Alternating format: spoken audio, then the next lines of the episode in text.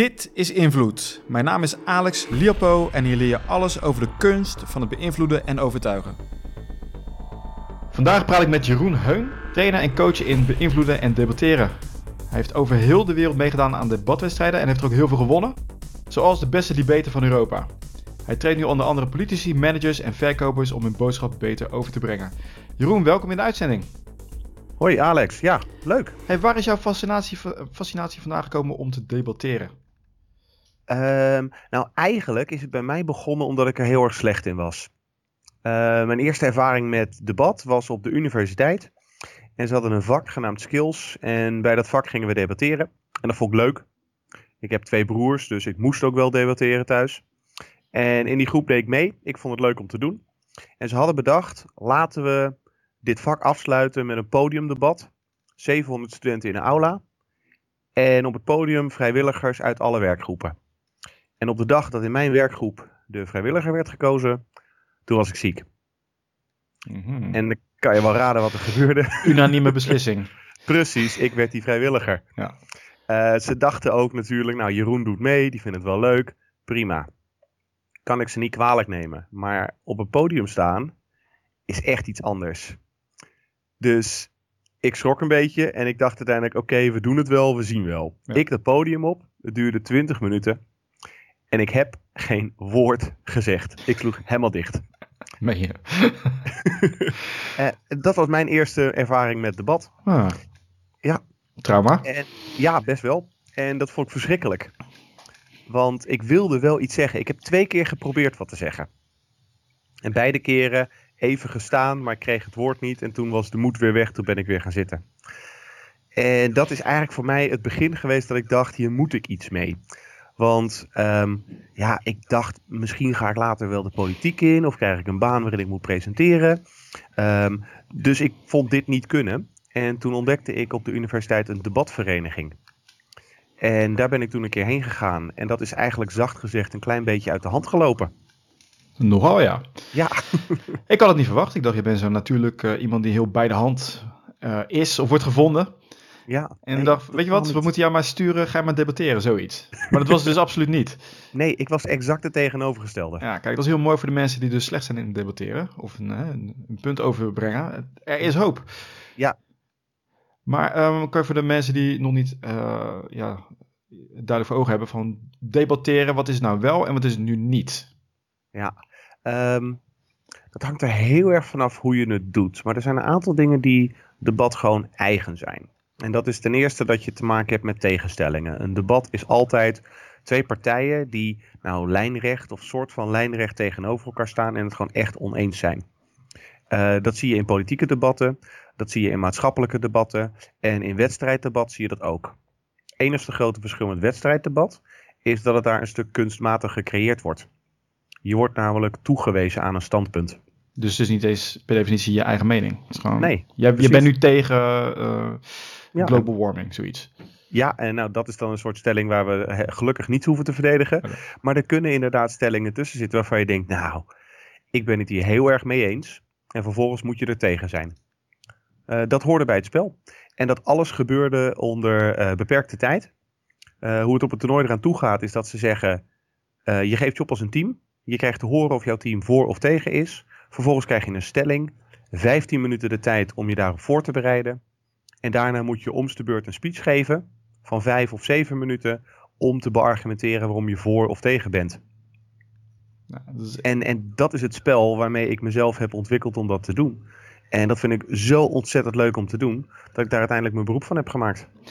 En misschien ook wel leuk, wat is debatteren vooral ook niet? Ehm, debatteren is niet alleen maar one-liners gebruiken. Debatteren is niet je, alleen je eigen verhaal vertellen. En ik denk dat dat eigenlijk de grootste misopvattingen die er zijn. Bedoel je dan dat je wel degelijk ingaat op de argumenten van Ja, de andere precies. partij? Precies. Eh, dat is voor mij ook het verschil tussen een goed debat en een slecht debat. Ehm, in een goed debat wordt geluisterd en gereageerd. Het leuke van debatteren, en ik heb het als spel gedaan en als hobby en ik vind het leuk, is dat je niet alleen maar uitlegt wat ik zeg klopt hierom, maar ook dat je zegt wat jij nu vertelt klopt niet omdat. Oké, en als je dan kijkt naar bijvoorbeeld een... Uh, ik, ik, ik ga Trump noemen. Ja. Uiteraard, want ik vind, hem, ik vind hem ook fascinerend. Bij hem heb ik het idee van hij negeert gewoon compleet wat de andere partij zegt. Ja. Kijkt weg, uh, denigerend. En knalt zo zijn eigen standpunt erop. Dus dat is voor jou een voorbeeld van? Ja, slecht debat. Slecht debat. Ja. Um, dat heeft ook een stuk te maken met hoe heel veel politieke debatten gaan. Is dat er vaak gedebatteerd wordt op een, een manier, in een setting, die slecht dwingt tot op elkaar reageren. En daarnaast, mensen zijn het ook niet gewend. Als je niet weet hoe het wel kan zijn, ga je niet zien wanneer het verkeerd is.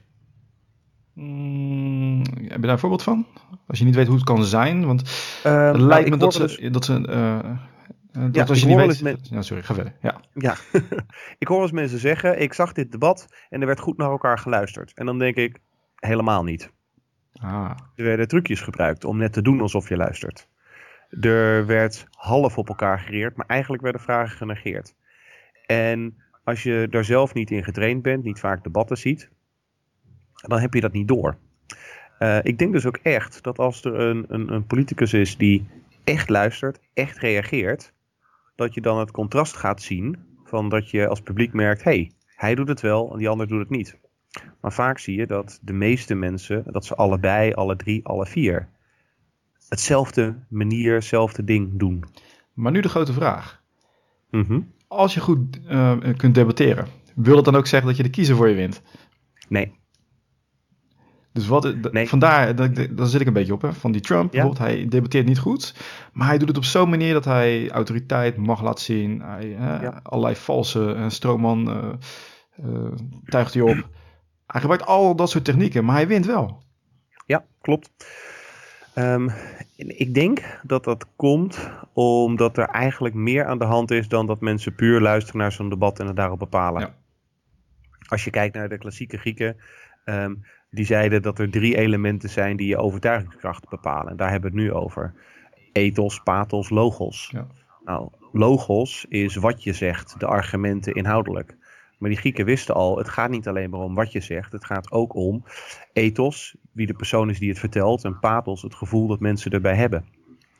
En met zo'n relatief eenvoudig model als zeggen, er zijn deze drie elementen die het samen bepalen, kan je al voor een heel stuk verklaren waarom iemand misschien wel argumentatief het sterkste verhaal heeft. En dat is wat je vaak ziet in een debat, maar dan toch niet wint. Dus daar wordt wel naar gekeken ook tijdens die wedstrijden? Ja, absoluut. Absoluut. En, en, en voor de goede orde, dat is ook niet slecht hè? Nee. Um, het wordt vaak gedaan alsof het dan niet inhoudelijk is, niet argumentatief. Maar we leven in een wereld waarin je niet in iemand anders hoofd kan kijken. Dus wat iemand zegt is, is fundamenteel niet te controleren. Dus moeten we het voor een heel groot gedeelte hebben over vertrouw ik iemand? En hele simpele voorbeelden die iedereen zegt, ja logisch. Bijvoorbeeld, je gaat naar een, een autoverkoper en die man of die vrouw die heeft een ontzettend goed verhaal. Argumentatief, helemaal goed. Maar de hele tijd heb je zoiets van, wat een gladjakker. Ja. Dan ga je die auto niet kopen. Ondanks dat het argumentatief goed in elkaar zit. En dat vinden we heel logisch, omdat we denken, misschien is dat verhaal wat mij verteld wordt, wel niet echt, eerlijk, oprecht. En dat zit hem in de persoon. Dus dat we wie het vertelt meeneemt, is eigenlijk ook logisch. Is het nou ook zo dat zelfs hè, de, wie het is uh, en hoe hij het zegt, dat gewoon belangrijker is dan de argumenten zelf? Ik zou zeggen nee.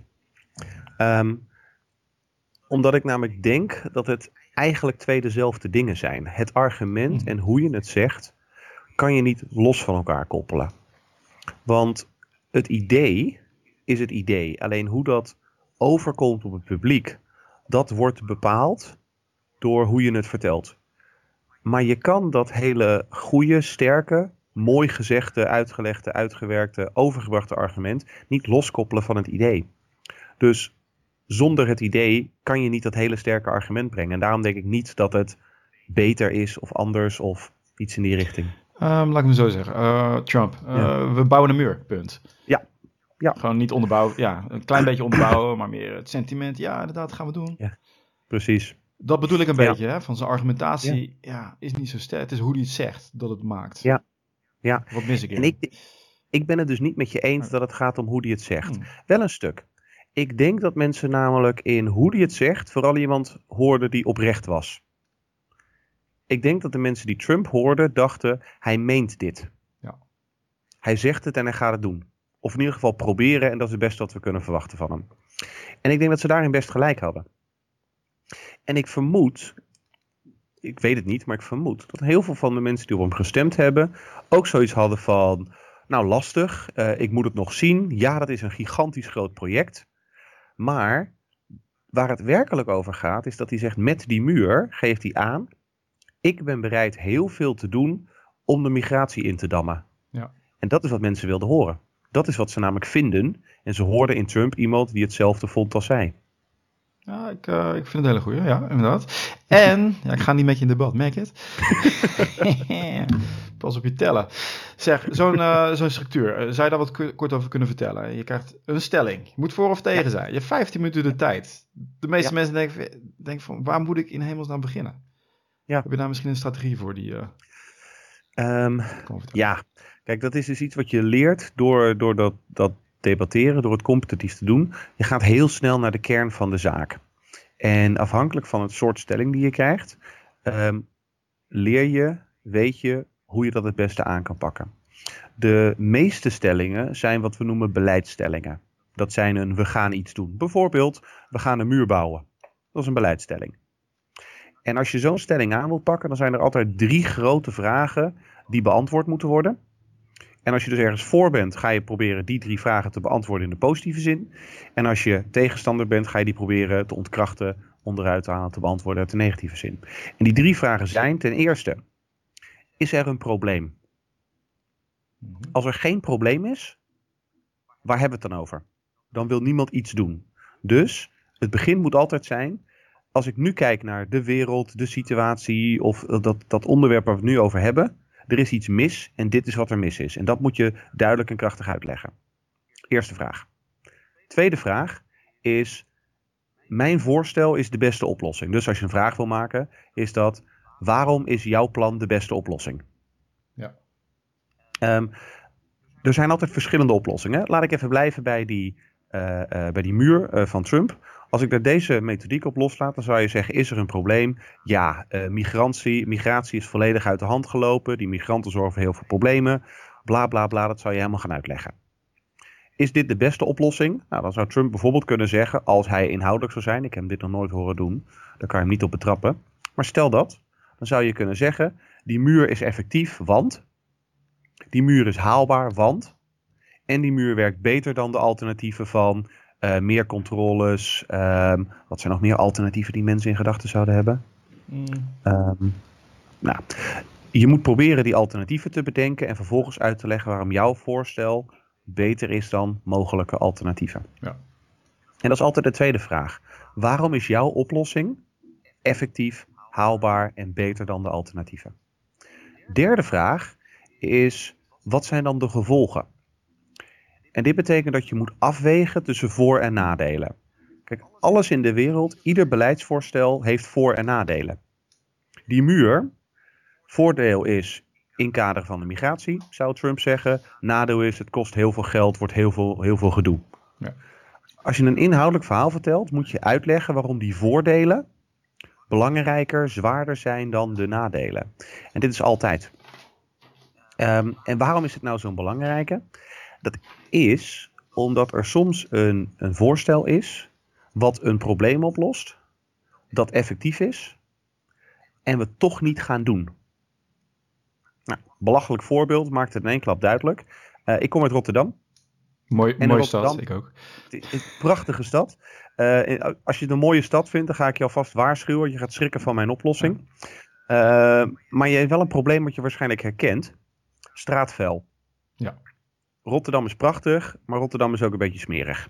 Uh, blikjes, peuken, glas. Uh, eigenlijk is Rotterdam best wel vies. Het is moeilijk schoon te maken. Het lukt nooit echt. Want het is gewoon een grote stad die leeft. Nou, ik heb daar een oplossing voor. Namelijk een atoombom op Rotterdam. Niet wenselijk. Nee, en, maar het werkt wel. In één klap is het straatvuil weg. Mm -hmm. En dit is zo logisch dat we het niet gaan doen. Waarom? Omdat je zegt, er zitten zoveel nadelen aan. Iedereen is dood. Je kan er honderd jaar niet meer wonen. We zijn Feyenoord kwijt. Dat is in één klap verschrikkelijk. Dus weegt dat niet op tegen het voordeel. En dit zie je heel vaak. In eigenlijk iedere discussie, vergadering zie je dat als er een voorstel wordt gedaan, dat dat gebaseerd is op een probleem dat gezien wordt. Daar wordt de oplossing voor voorgedragen. En daarna wordt er gekeken, is die oplossing het waard? En dat is ook wat je doet bij wedstrijddebat. En dat is ook wat je ziet in vergaderingen. Maar als je aan het debatteren bent, dan moet jouw oplossing ook de juiste zijn. Hè? Want je wil winnen. Ja, klopt. Dus hoe kunstel je dat zo dat je overtuigend bent? ja, want dan zou je bij wijze die atoombom, ja, dat is logisch, want ja, dan, zou je, precies. dan zou dat erin voorkomen. Ja, en dat is dat wat je moet doen. Nou, met die atoombom is dat niet te doen. Uh, die is onverdedigbaar. Maar met de meeste stellingen betekent het dat er een, een redelijk idee wordt neergelegd, waarvan er gewoon echt nog twijfel is. En de uitdaging die dan bij de teams wordt neergelegd, is dat zo goed mogelijk uitleggen. Het sterkst mogelijke verhaal vertellen. En hoe je dat doet, zit hem in dat je moet uitleggen dat het probleem heel erg is, zodat mensen dat gaan snappen. Je oplossing moet effectief zijn en mensen moeten ook duidelijk weten hoe dat dan zit. Um, oh, ik, zou wel een voorbeeld kunnen pakken. Is het leuk als ik gewoon even een voorbeeldstelling ja, doe? Ja, ja oké. Okay. Um, ehm, een stelling. En dit is ook echt een, een issue die je nu hebt in, in de Nederlandse maatschappij. Um, weet je wat een vondelingenluik is? Uh, pasgeboren baby's die worden neergelegd. Juist, ja. precies. Het idee van een vondelingenluik is exact dat. Je hebt een, een luik in de muur gekoppeld aan een, een organisatie. Dat kan zijn een ziekenhuis of kinderopvang. Een organisatie die vaak vrijwillig dit wil doen. En dan kan je als uh, moeder, ik neem aan moeder, uh, anoniem je kind te vondeling leggen in een veilige omgeving. Nou, te vondeling leggen in Nederland is strafbaar. Maar ik weet, ik dacht dat er nu twee van die luiken zijn. En ik weet dat ze er in Duitsland al een tijdje mee bezig zijn. Dan zou je bijvoorbeeld een stelling kunnen hebben die zegt: vondelingenluiken moeten in Nederland worden toegestaan. Mhm. En de uitdaging is dan als voorstander, maar ook als je tegenstander bent, zo sterk mogelijk wat we noemen de casus uit te leggen. Nou, als ik voorstander zou zijn, zou ik bijvoorbeeld dit vertellen. Dan zou ik zeggen dat het probleem is dat er nu ongeveer 1 à 2 baby's per jaar te vondeling worden gelegd. Die baby's die worden op straat gelegd met het risico dat ze doodvriezen, dat ze laat worden gevonden. Ehm, en dat is gewoon verschrikkelijk als dat gebeurt. Maar het is ook een probleem dat ik denk, er zijn misschien moeders die hun kind eigenlijk helemaal niet willen, maar het dan toch houden omdat ze het gevoel hebben dat het moet. Die durven niet naar adoptiebureaus te gaan, omdat ze zich ervoor schamen. Uh, dan zeg ik, zo'n kind kan ook beter opgroeien in een liefdevol adoptiegezin wat heel graag een kind wil. Nou, dat is dan het probleem waar je mee begint. En dan is het belangrijk dat mensen snappen dat dit waar is, dat ze het geloven, dat ze het herkennen. En dat ze snappen waarom dat dan erg is. Nou, dat doe ik bijvoorbeeld door te vertellen uh, dat die kinderen doodgaan. Door te vertellen hoe erg het is om op te groeien in een gezin dat je eigenlijk niet wil, dat je dat merkt. Vervolgens moet je gaan uitleggen hoe dit dan een oplossing is, maar ook waarom het beter is.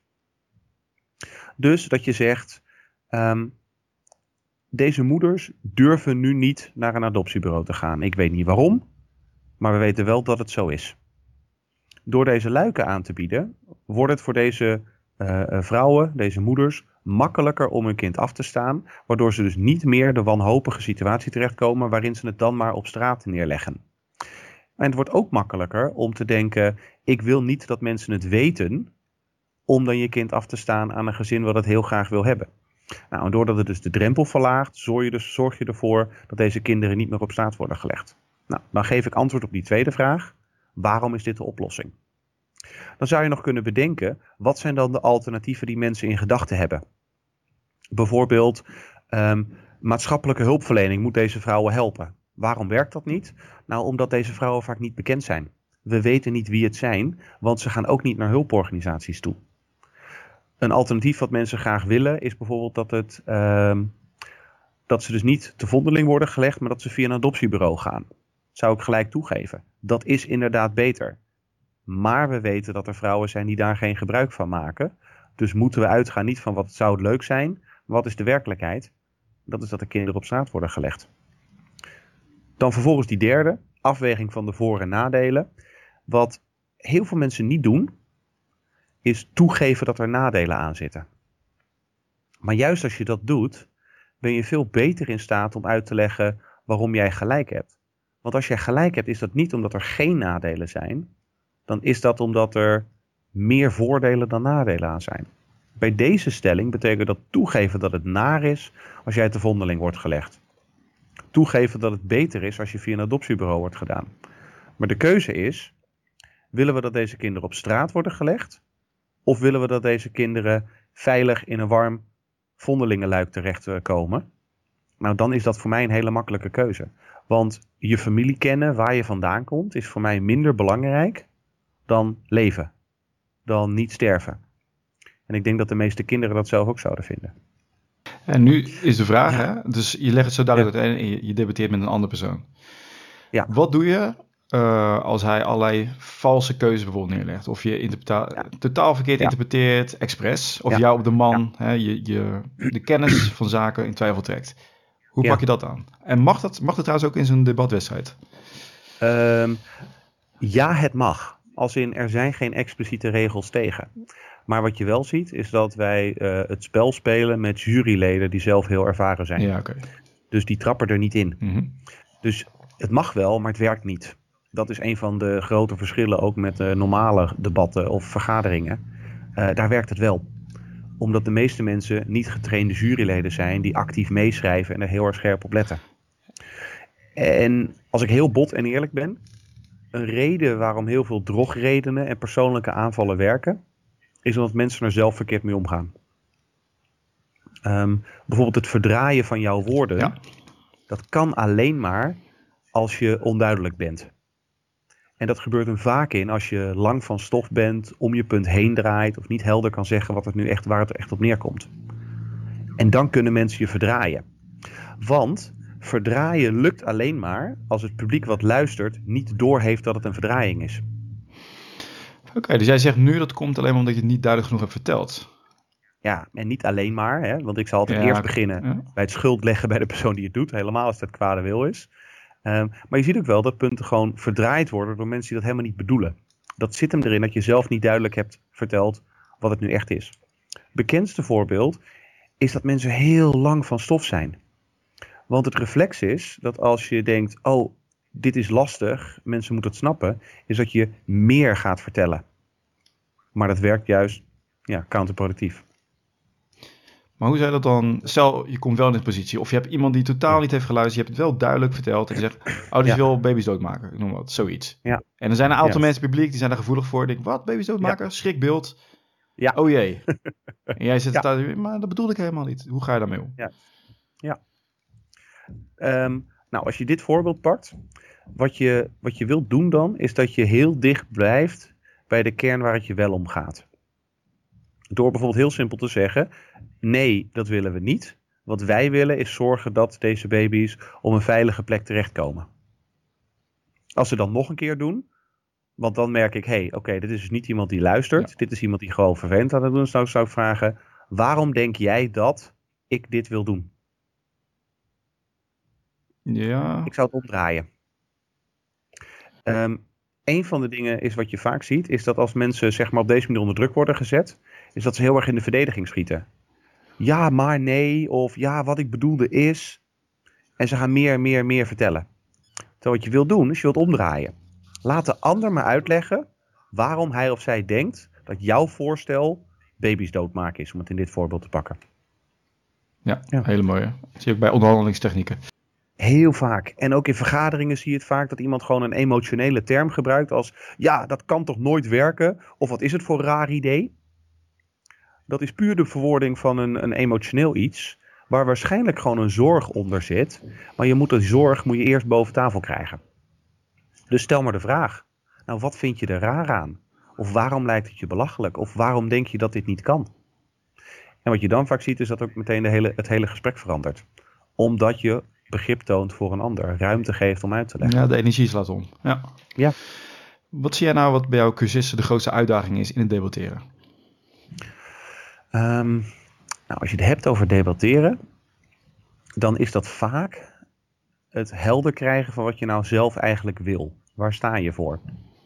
Eh, wat ik heel vaak merk, is dat mensen denken dat ze heel helder te pakken hebben. Dit is wat ik wil en dit is het idee.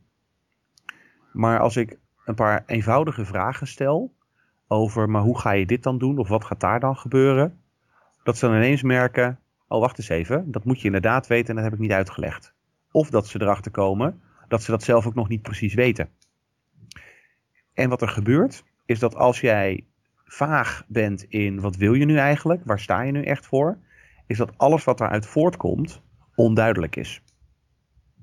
Want helderheid in een verhaal zit hem erin dat er een rode draad is, een kernidee, en dat alles wat jij zegt gekoppeld kan worden aan dat kernidee. Hmm, Ja, dat is natuurlijk onmogelijk als dat kernidee vaag is. Goeie. Dus het is gewoon het ver- het verhelderen, verduidelijken van je eigen standpunten. Ja. Precies. Heb je dan ook een soort, Precies. geef dan ook een soort vragenlijst of iets dergelijks van eh, een soort template van je hebt een, punt of zijn er die drie Ja. punten die je net opnoemde? Van is er een probleem? Dat zijn die drie punten die ik net Ja, ja. opnoemde. Dus als je het hebt over een pitch, dan heb ik het vaak over die drie dingen moeten duidelijk zijn. Iemand moet het probleem herkennen, de oplossing snappen en de gevolgen daarvan de afweging inzien. Merk je nou dat ook tijdens een debat dat het, ehm, nou wat is dan de, is dan ook de bedoeling om het publiek te overtuigen? Hoe win je met zo'n debat? Nou, ehm, ja, je moet je publiek overtuigen. Ehm, en dat is misschien nog wel een, een heel belangrijk en ook een vervelend punt. Hoe je een publiek overtuigt, hangt er vanaf wie je publiek is. Dus in een debatwedstrijd heb je te maken met juryleden die meeschrijven, die weten dat ze bezig zijn met een spel dat gebaseerd is op argumentatie. Ja. Nou, hoe overtuig je dus? Hele goede inhoudelijke argumentatie, ehm, die je probeert heel intelligent te maken. Je wil zo slim mogelijk overkomen. Nou, bij andere publieken werkt dit niet. Want wat zie je bijvoorbeeld in het debatsport? Mensen praten vrij snel. Ze gebruiken heel veel moeilijke termen. En ze gebruiken hele ingewikkelde, met name analytische methodes van pre- spreken. Ja, dat werkt niet bij een normaal gemiddeld publiek. Dat schrijft niet mee. Dat is waarschijnlijk uit een ander vakgebied, is niet bekend met de jargon die gebruikt wordt. Dus je moet veel meer tijd nemen, veel rustiger praten. Ehm, en dat is dus een groot verschil met de debatsport. Oké, dus daarbinnen. Maar dan is het wel eh, voor jou makkelijker om uit te leggen, denk ik. Aan- Ja, absoluut. hè, want het debatsport is dan eigenlijk de complexe versie. Ja, klopt. Ah. klopt. Wat je heel goed leert in debatteren is om in een hele korte tijd ingewikkelde dingen uit te leggen.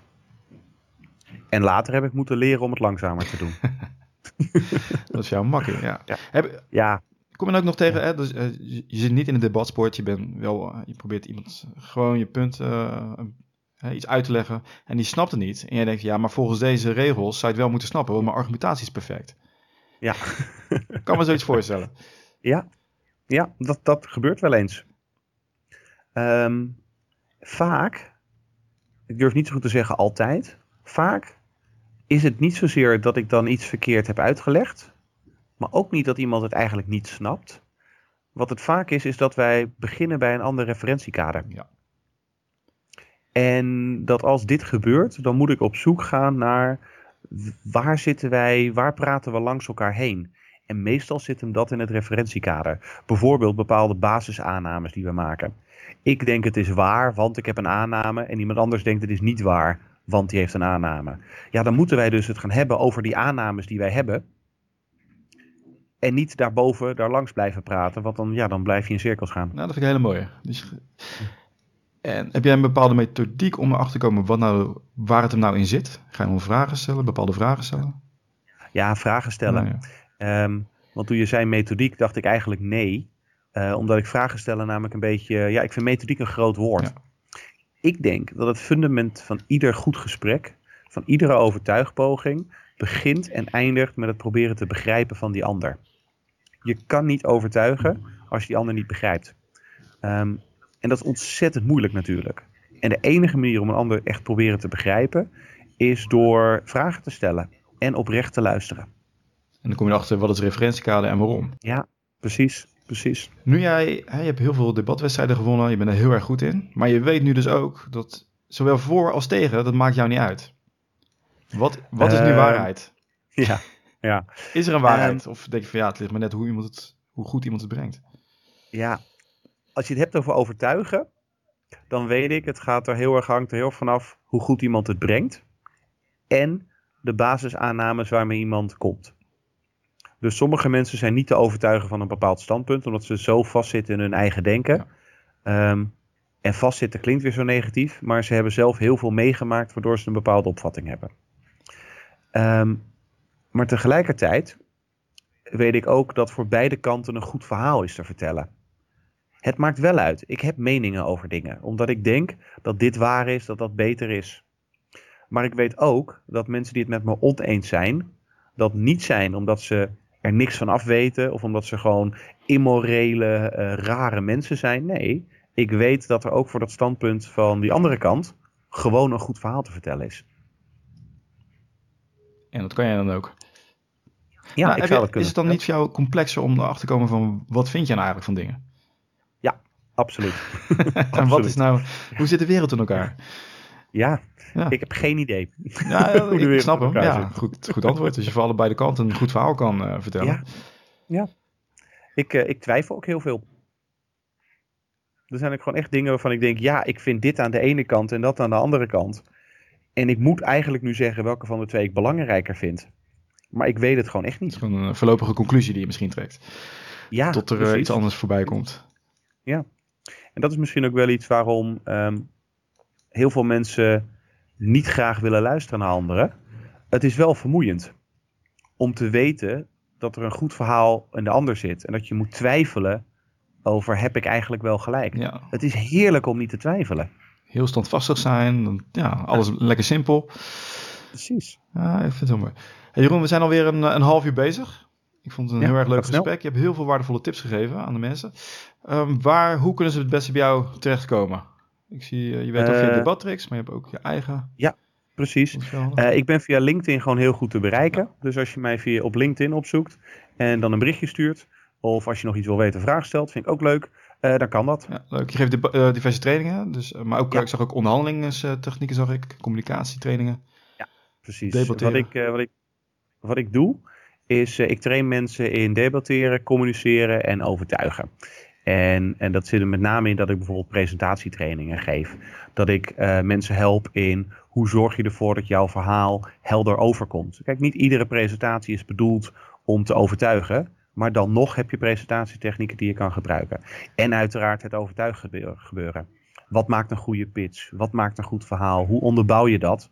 Eh, maar ook een stuk, eh, hoe zorg je ervoor dat informatie op een breinvriendelijke manier wordt overgedragen? Want de neurowetenschappen hebben ons inmiddels ook al heel veel verteld over hoe mensen overtuigd worden. Nou, daar moet je ook iets mee. En daar help ik mensen bij. Nou, geweldig. Dus ik zou eh, mensen, neem contact op met Jeroen. Ik vond het een heel leuk gesprek en eh dankjewel. Bedankt voor je tijd.